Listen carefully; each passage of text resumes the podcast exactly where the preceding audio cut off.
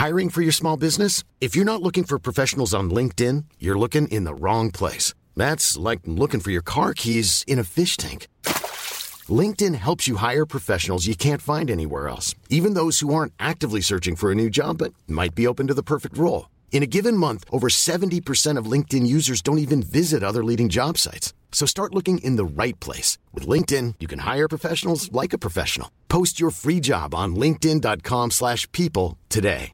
Quality sleep is essential. That's why the Sleep Number Smart Bed is designed for your ever-evolving sleep needs. Need a bed that's firmer or softer on either side? Helps you sleep at a comfortable temperature? Sleep Number Smart Beds let you individualize your comfort so you sleep better together. JD Power ranks Sleep Number number 1 in customer satisfaction with mattresses purchased in-store. And now, save 50% on the Sleep Number limited edition Smart Bed for a limited time. For JD Power 2023 award information, visit jdpower.com/awards. Only at a Sleep Number store or sleepnumber.com.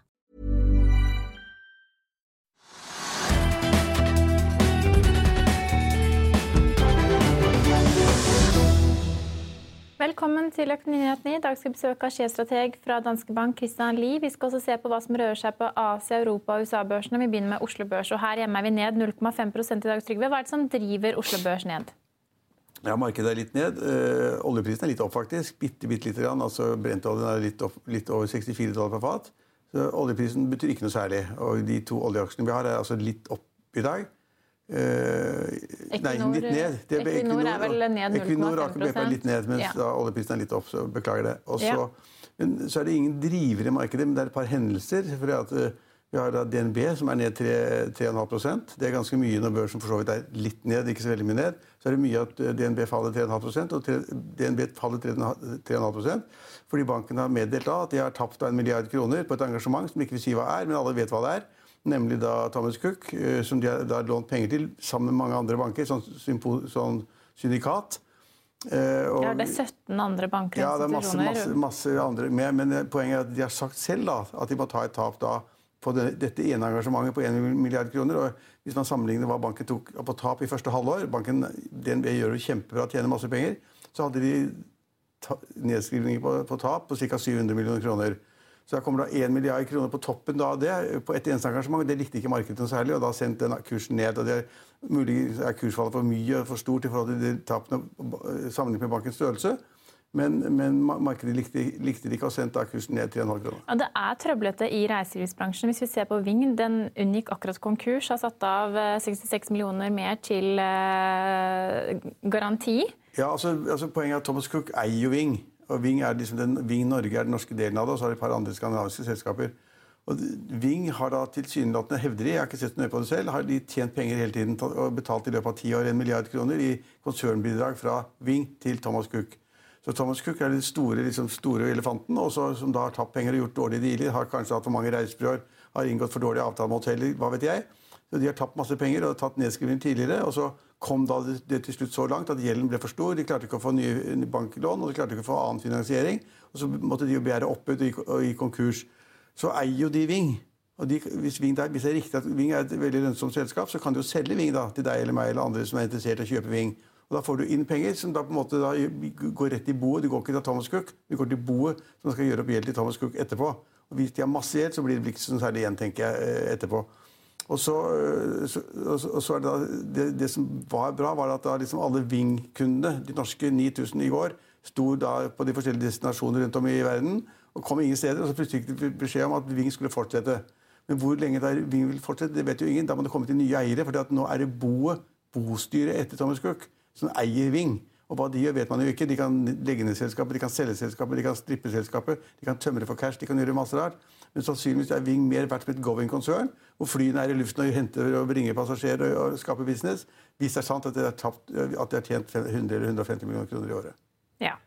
Vi ser på flyaksjene, så er jo Norwegian opp 3,5% mens uh, norske SAS-aksjen faller 5,6% Ja, det, altså jeg, det, er godt, det, er et godt, spørsmål. Jeg vil tippe, jeg så den, så den kursutviklingen, jeg også. Jeg vil tippe at uh, SAS har fløyet gjester for Ving det, det jeg bare, det, det at de ikke bruker SAS i det hele tatt. Men la, la oss anta da, at hvis da Ving har brukt SAS som transportør, Eh, og da SAS er nå redd for eller Noen tror at SAS ikke får oppgjør fra Ving eller andre Thomas Cook-selskaper. da så vil da man sette da en liten preg på markedet ved å sende kursen litt ned i usikkerhet om hva som skjer da med SAS eh, pga. konkursen til Thomas Cook. Og det er mange selskaper under den paraplyen.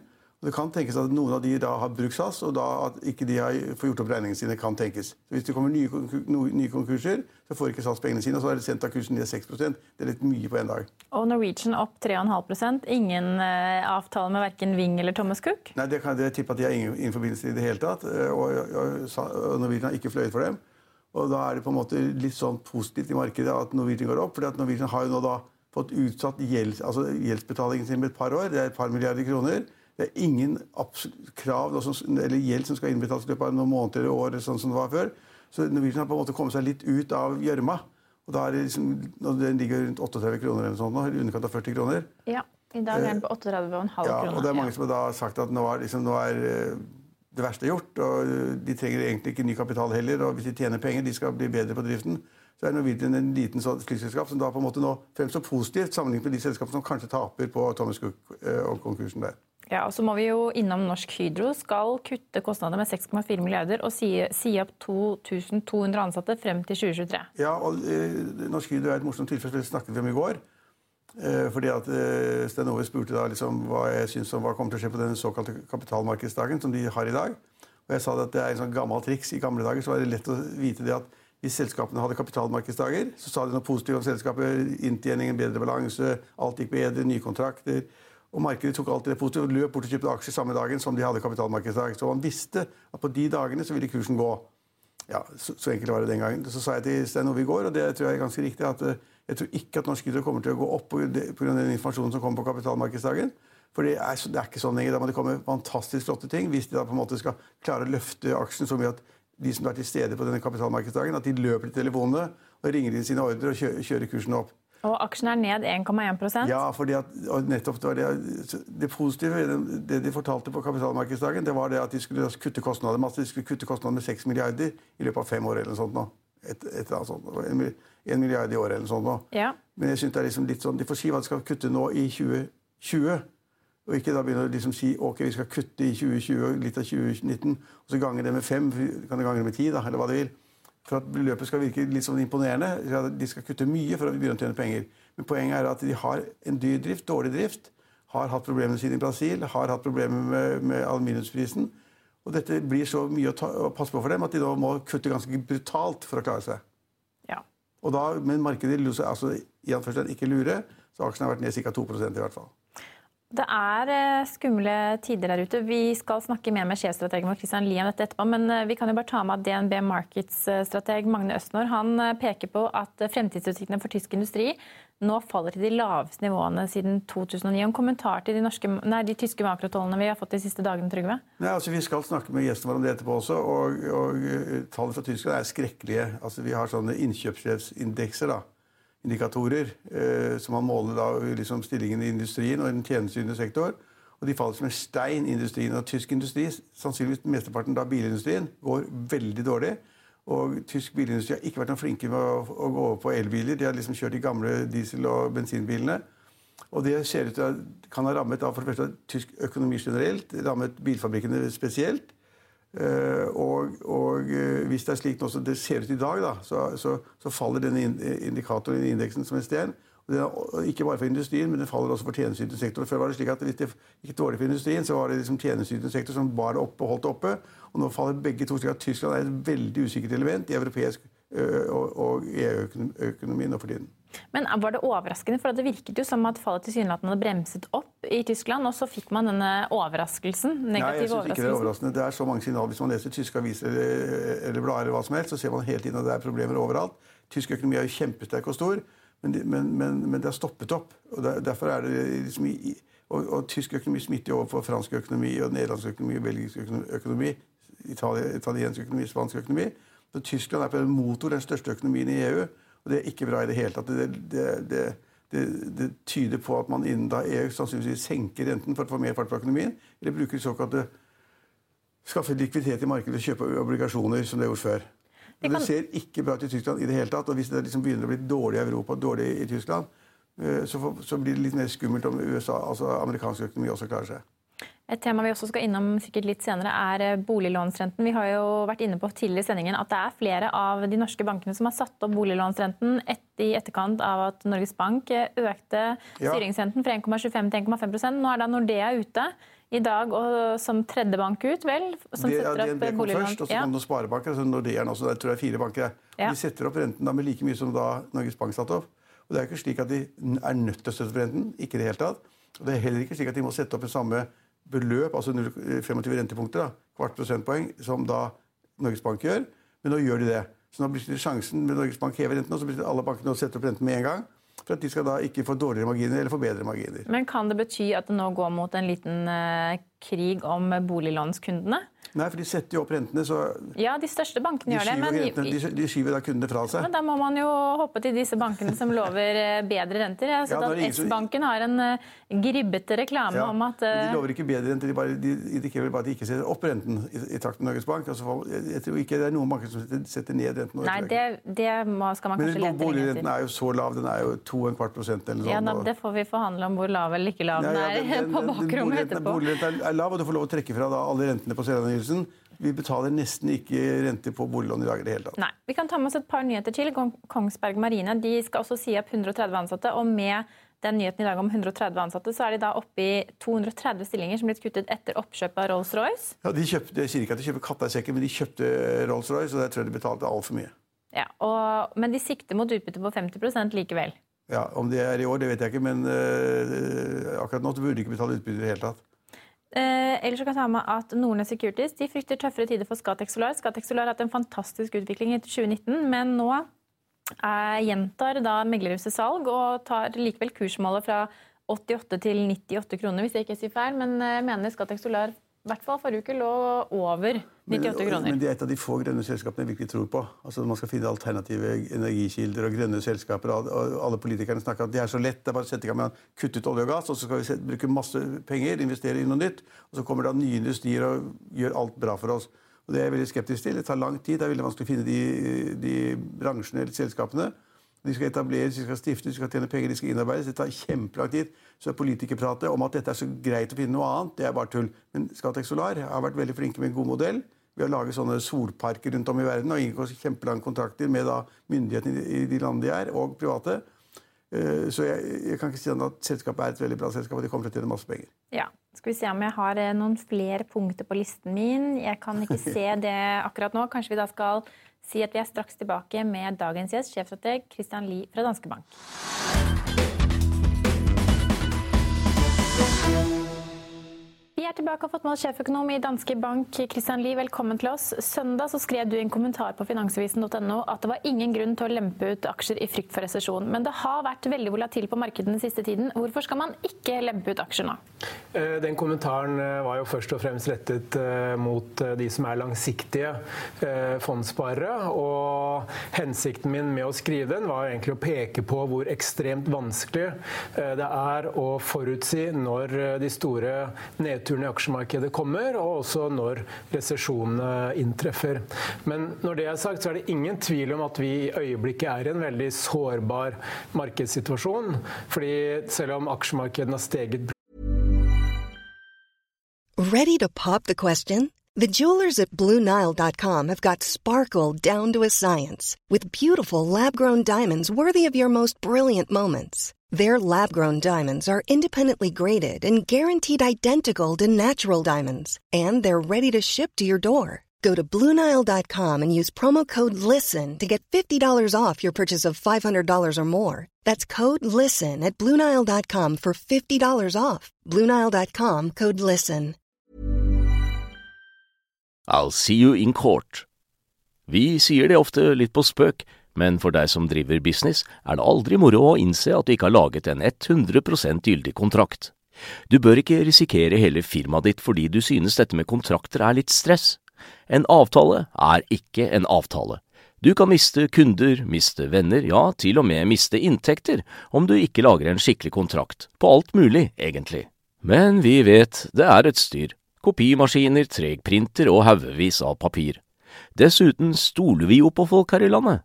Det er ofte litt kleint å skulle be om en signatur for alt mulig, ja, for mye av styret handler også om jakten på underskriften. Det finnes en enkel måte å løse dette på, Dukkobit, en trygg, effektiv og get this, gratis måte å sikre seg en god natts søvn pluss en juridisk bindende avtale. Dukkobit-appen har de strengeste sikkerhetskrav i bunn, samt en EU-godkjent og sertifisert teknologi. Framover vil det bli behagelig å spørre du, skal vi skrive under på det, eller?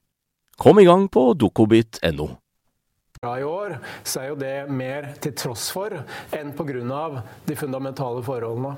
Ja, altså, ja at, eh, altså, Det er jo klart at eh, for de fleste at de fleste makrotallene viser nedover. altså Svakere vekst, eh, skumle ting, handelsforhandlinger om Kina og USA. Altså, det er mye rart, og veksten går ned. Verdensbanken advarer. Og, og, nå fikk vi jo fryktelige tall fra Tyskland i går eller i dag som viser at industrien er liksom helt stål, ståling. altså Og PMI er veldig dårlig ekstremt dårlig. Så, så vi er inne i et fase nå hvor makroøkonomien er dårlig i mange land. Kanskje ikke, ikke USA, noen hevder at jeg er kanskje i tvil om det, men det er dårlig i eurosone, dårlig i Tyskland, det er dårlig mange steder, Frankrike. Eh, så det er skummelt. Og da pleier man jo da å si at da skal man liksom langsiktig ikke være i aksjemarkedet, fordi at liksom fortjenestene går ned hvis veksten går ned. og hele, ja, så det, det ser jo veldig skummelt ut akkurat nå, da.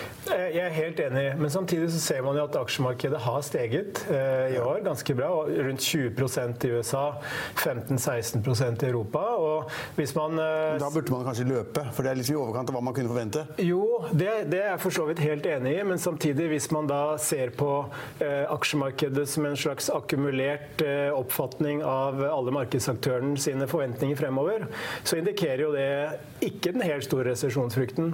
Eh, og vårt hovedscenario er at det er 70% sannsynlighet for at vi unngår en resesjon i amerikansk og global økonomi de neste 12-18 månedene. Da snakker vi 2019 og 2020. Ja. ja. Uh, og det som vi eventuelt da kan se utløser en resesjon, det er om vi får en full eskalering av handelskrigen og en hard brexit og kanskje et eller annet uh, sjokk i tillegg. Ja, for Du sier at sjokk kan være med på å akselerere prosessen om at vi går inn i resesjonen. Mange har jo spådd at den kunne komme i 2020. Hvis dere mener den kommer senere, så er det da disse sjokkene vi skal være på vakt for. Du nevner to scenarioer som uh, kan bidra til å sende oss inn i resesjon tidligere. Hva tenker du om de to enkelttilfellene hver for seg? Det Når det gjelder handelskrigen, så er vi ikke så veldig optimistiske, egentlig. fordi vi tror tilliten mellom kineserne eh, og Trump, og spesielt da fra kinesisk hold, har blitt eh, veldig redusert gjennom Trumps uforutsigbarhet. Eh, og vi vet også at Trump ønsker å fremstå som en vinner av en eventuell handelsavtale. Dette er noe kineserne motsetter seg. De ønsker en balansert avtale hvor ingen fremstår som verken vinner eller taper. Og det andre er jo at dette, dette med bilateral handel, det er jo én bit av denne konflikten, som egentlig er en mer omfattende økonomisk, teknologisk og til dels militær eh, konflikt mellom eh, de to stormaktene i verden. Så, så vi tror at med 60% sannsynlighet så kommer vi ikke til å få noen løsning på dette her før etter presidentvalget neste år. Eh, og det som eventuelt kan få Trump til å, å, bøye unna, det er om vi får en enda kraftigere oppbremsing i amerikansk økonomi, og kanskje også et større kursfall i amerikanske aksjer. Men, men nå vet du at Trump han ser fremover, fremover mot valget.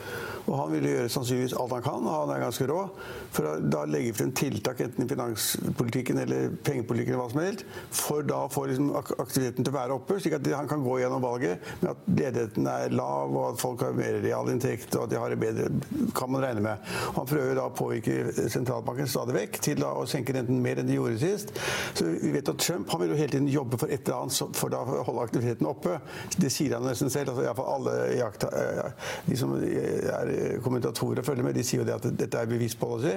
Et valg i partiarbeidet eller valg i valgarbeidet, eh, en del av valgarbeidet. Så Hvis han da klarer å få til det, da, så er det positivt. Men samtidig ser vi at landet rundt, som jeg var inne på i sted, altså Tyskland ser litt skumlere ut, og det er andre land som ser litt skumlere ut. Og da er det ikke bare snakk om resesjon. Resesjon er to dårlige kvartaler etter hverandre. Men hvis det bare, bare dipper ett kvartal her og der, så er det nok til å få liksom aktiviteten generelt ned og BNP-veksten ned. Nødvendigvis ikke to kvartal på rad, men ned. Og da skal man det være litt Da kommer jeg tilbake til at det er jo det er litt skummelt, da. Fortsatt skummelt. Man burde kanskje ikke sitte med alle pengene i aksjer når det er såpass skummelt. Og, og markedet har steget så mye. Nei, altså det, det, vi forventer, det er jo at vi unngår en resesjon i disse tolv månedene. Det er vårt utgangspunkt. Eh, men vi har ikke de helt store forventningene til, til aksjemarkedet. Vi forventer en, en, moderat positiv avkastning de neste tolv månedene. Christian kaller seg moderat optimist og tar banken med på samme resonnement. Ja, det kan ja. du si. Uh, ja, det, ja, hvis markedet går 20 eller 15% så er det fantastisk. Det, det er mye mer det burde gå. Ja, Hvis man ser på det makroøkonomiske bakteppet, da, som du er inne på, og man også ser på veksten i selskapenes eh, inntjening, så er det ingen tvil om at det ikke helt har vært det store grunnlaget for 20 oppgang i amerikanske aksjer. Det er vi enige. eh, og det som er til dels bekymringsverdig i øyeblikket, det er jo at på den ene siden så har du veldig svake indikatorer for industrisektoren. Det har vi hatt ganske lenge. Og det mange har lurt på, er jo når er det dette kommer til å smitte over til servicesektoren, eh, som egentlig har holdt eh, koken på, på veldig mange, i veldig mange områder. Eh, og det ser vi nå egentlig små tegn til, at arbeidsmarkedene begynner å vise svakhetstegn. Eh, I USA, hvor disse PMI-ene som vi fikk i går, hadde den samlet sett svakeste sysselsettingskomponenten siden 2009. Eh, vi har sett eh, flere meldinger om oppsigelser i bilsektoren i Tyskland, i Kina, og Bloomberg skriver i dag om at eh, det kom en det nærmer seg 60 000 varslede oppsigelser i banksektoren globalt. Så det er klart at vi begynner å nærme oss et punkt hvor, eh, hvor arbeidsmarkedene ikke lenger eh, er den eh, bærebjelken for verdensøkonomien som vi har trodd og håpet den skulle være. Og hvis det skjer, at denne situasjonen forverres, så, så vil vi nok kunne se en sterkere reaksjon i aksjemarkedene også. Ja, og, ja, og da, da, kommer man tilbake til det vi snakker om, altså aktivallokeringen. Altså, hvis man ser det du sier, og jeg er enig i alt du sier, og det tror jeg resten av verdensøkonomer også er, så skal man, skal man i prinsippet si at det der markedet er gone for meg nå. Må jeg ut og sitte med pengene i cash eller i, under, under, madrassen eller gjøre noe annet i en periode. Fordi er, vi, er, vi, er, vi er kulminert, og vi er på toppen. Ja, men, men, det som jeg tror er årsaken Hva er vitsen sånn allokeringsmessig å gå fra si at du har en vekst i aksjemarkedet på 20 da? Hva er vitsen å fighte med pengene dine og risiko for pengene dine fra å gå fra 20 til 25 eller 23? Altså det ene er jo at Alternativavkastningen i rentemarkedet eh, ser ut til å være ekstremt lav. Ja. Og eh, Det andre er jo hvis vi unngår resesjon altså Det vi skal huske på etter at vi hadde finanskrisen, så har vi hatt en rekordlang ekspansjon i amerikansk økonomi uh, uten resesjon i perioden. Vi er inne i det ellevte året. Men den innhentingen i amerikansk økonomi etter finanskrisen har samtidig vært den svakeste innhentingen noen gang. Og da er det jo et ganske berettiget spørsmål, syns jeg. Uten en boom i økonomien med overoppheting osv. kommer vi til å få den store busten. Så kanskje vi heller får en litt sånn svak periode uten den helt store krisen i økonomien. Og da kan aksjer egentlig klare seg bra. Men vi har også andre hendelser eh, på eh, verdenskartet hvor eh, brexit er fortsatt uavklart. Det er mye uro og støy i Storbritannia. Hva, hva kan vi trekke ut av det som skjer der borte? Eh, Brexit er jo helt klart en eh, viktig årsak til det vi ser i, eh, i, europeisk økonomi generelt, og for så vidt også i tysk økonomi. Og situasjonen er jo, som du sier, helt uavklart ennå. Men Boris Johnson ønsker jo å få til en avtale med, med EU. Og han har vist eh, vilje til å være, være, litt mer fleksibel i forhold til dette irske backstop-problematikken, som kanskje er det springende det punktet. Eh, men om han mot formodning skulle få til en avtale med EU, så må denne avtalen fortsatt ratifiseres eller godkjennes i det britiske parlamentet. Det er jo, som vi vet, eh, ikke en enkel sak. Eh, og skulle man da stå uten en godkjent avtale 31.10, så er det jo en no deal brexit det som er den default eller standardløsningen. Så Men ringvirkningene av en no deal brexit, det er vel ingen som har forstått hvor store de kan bli? Nei, det er jo som vi sier på Hamar, der jeg kommer fra, uncharted territory. Dette er jo noe vi ikke har opplevd før. Eh, og mm, sannsynligvis så, så, vil dette gi store ringvirkninger til europeisk økonomi. Ikke bare eh, tysk økonomi i bilsektoren osv., men også britisk økonomi, og kanskje også verdensøkonomien. Fordi dette vil kunne være et sånn sjokk som skaper eh, en ytterligere marginal risikofaktor, som gjør at eh, risikoviljen i finansmarkedene også Men er det også slik at at når alle venter veldig fælt, så blir det kanskje ikke så ille likevel. Og så er kanskje diskontert i kursene, diskontert i varestrømmene, diskontert i lageroppbygging. Kanskje det ikke blir så ille med en gang, men det kan bli ille. Men la, oss hoppe, la oss hoppe tilbake til Norge. Altså, øh, det ser ganske skummelt ut i mange land. Negative renter i Sverige, negative renter i Sveits, negative renter i Tyskland. Det ser skummelt ut. Og så satte Norges Bank da opp renten 25 rentepunkter til 1,5% og så var halvparten av økonomene mente at det var helt feil, og halvparten sa at nei, i og for seg ålreit, de burde egentlig satt opp mer. Hvor står du? Vi, eh, vi, trodde jo at Norges Bank kom til å sette opp eh, renten, eh, som en av få, egentlig. Og det er jo med bakgrunn i at det begynner å bli presstegn i norsk økonomi. Altså bedriftene, Hvis vi ser på regional nettverksundersøkelse fra Norges Bank, den forrige, så er det flere bedrifter som sier at det begynner å bli et problem å skaffe kvalifisert arbeidskraft. Og det, sammen med generelt lav ledighet, har bidratt til at lønnsveksten i Norge har vært god. Høyest nivå på seks år forrige, forrige tallene vi fikk. Eh, oljeinvesteringene ser ut til å være på, på, stell i år også. Så alt annet likt så tilsier norsk fastlandsøkonomi at eh, renten skal være noe høyere enn det den er i Sverige, ikke minst. Men det sa også Norges Bank og Øystein Olsen. Og så er da spørsmålet da om men Samtidig med at han sa det, så la han også en ny rentebane som viser at liksom renteøkningene vil ikke bli så sterke som man trodde før. Ute der på banen så vil du heller ikke få det samme nivået man trodde før. Så han, han sa alt det du sa, men samtidig sa han at men nå kan du slappe av. Det blir ikke flere renteøkninger det kommende år eller halvannet år. Altså Rentebanen eh, priser jo inn 40% sannsynlighet for at det blir en ytterligere renteheving neste ja. år. Eh, og Frank Julum hos oss eh, tror jo at den kan komme i første kvartal, helt spesifikt i mars. Kommer samtidig med at kanskje renten i alle land blir satt ned. Da, og den europeiske sentralbanken også setter renten ned. Kanskje litt sånn mismatch? Ja, det, det, kan eh, skje. Eh, men eh, det som trolig vil være avgjørende frem til første kvartal neste år, er hvordan utviklingen i verdensøkonomien går, og hvordan det eventuelt gir negative ringvirkninger til norsk økonomi. Men dere sier nå da, det, Julum sier nå da, det at man kan ikke se bort fra at renten blir satt opp en gang til i 2020? Det er riktig. Stakkars, stakkars de som har lån. Da kom det melding om at DNB satte opp rentene med 25 rentepunkter med en gang. Mm. Og så kom Sparebanken Var det Sparebanken igjen, eller? Så det så jeg ikke. Jo, det en bank til. Du er godt oppdatert. Du liker å ha så mange boliglån der ute i markedet? Ja, ikke, du får bare løp, løp og kjøp, da. Løp og lån. Jo, jo, men det er to banker som har sagt at de er, da, øker da renten med samme antall rentepunkter som da sentralbanken. Mm, så langt. Tusen takk for at du kunne være hos oss i dag. Vi skal til teknisk analyse av hovedindeks, brentolje og valuta. Ja, Vi minner om at du også kan høre våre børskommentarer og gjesteintervjuer i podkasten Økonominyhetene. Den finner du på finansavisen.no podkast eller i iTunes, Spotify og Soundcloud. Det var det vi hadde for i dag. Vi er tilbake i morgen klokken 15.30. Da har vi med oss Obos-sjef Daniel Sirai i studio. Nå avslutter vi sendingen med Greta Thunberg, som raser mot verdenslederne.